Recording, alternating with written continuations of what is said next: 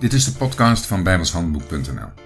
Vandaag behandelen we weer een bladzijde uit het Bijbels dagboek. Iedere dag een korte overdenking met als doel je geloof op te bouwen en te versterken. De muziek bij deze podcast is geschreven en uitgevoerd door Jack Andrew. Het is vandaag 13 februari en ik wil beginnen met het lezen van Romeinen 1, vers 16.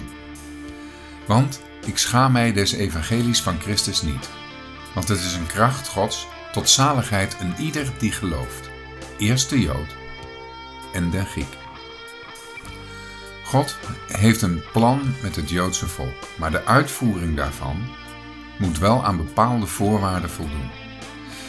Veel mensen en ook gelovigen denken dat het niet nodig is dat Joden wedergeboren worden. Ze denken dat de Joden omdat zij in het verleden het uitverkoren volk van God waren, automatisch behouden zijn.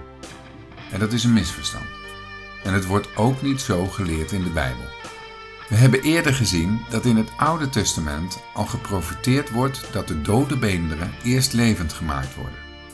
De wedergeboorte van Israël komt, net als de individuele wedergeboorte van een zondaar, tot stand op voorwaarden van geloof.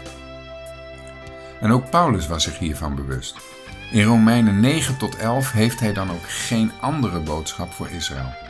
Dan dat de mens door alle bedelingen heen slechts gerechtvaardigd wordt door geloof. Dit geldt zowel voor de Jood als voor de Griek, voor de heiden. Op de vraag waarom Israël nog steeds niet is wedergeboren, zegt hij: Waarom? Omdat zij die zochten, omdat zij die wedergeboorte zochten niet uit geloof, maar uit de werken der wet. Want ze hebben zich gestoten aan de steen des aanstoots. Romeinen 9, vers 32.